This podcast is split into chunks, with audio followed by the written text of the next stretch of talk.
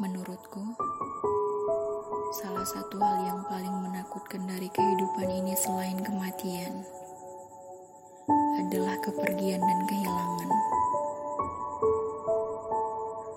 Keduanya terlalu sulit untuk aku lawan dan hadapi. Ingin rasanya aku berdoa agar siapa pun yang aku cintai tidak akan pernah hilang dan pergi. Bersamaku sampai aku lupa bahwa dunia ini punya batas waktu. Tapi sayangnya, seberapa keras pun aku berusaha untuk menghindar dari dua hal kelam itu, mereka akan tetap mendatangiku dengan pasti. Seperti kepastian Tuhan yang bisa saja menjemput nyawaku detik ini. Sudah tidak terhitung berapa kali aku melewati kepergian dan kehilangan seseorang yang aku harapkan akan selalu ada. Sudah tidak terhitung pula berapa kali kesedihan dan luka yang harus diriku sendiri sembuhkan. Dan setelah itu semua, baru aku mengerti bahwa kepergian, kehilangan, kematian, dan hal-hal menyedihkan lainnya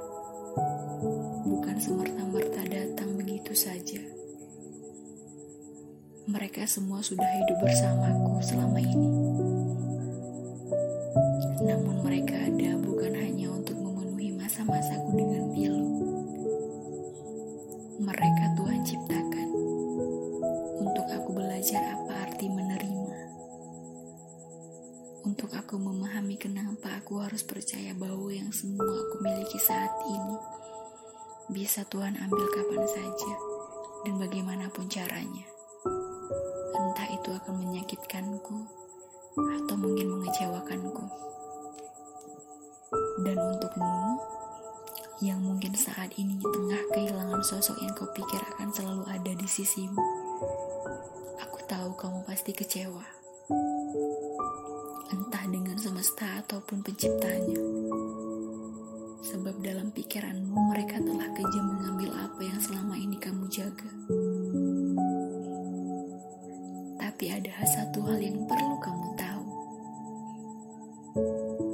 Bahwa kecewamu hari ini akan Allah balas dengan rasa syukur yang luar biasa. Dan apa-apa yang menjadi milikmu tidak akan pernah melewatkanmu.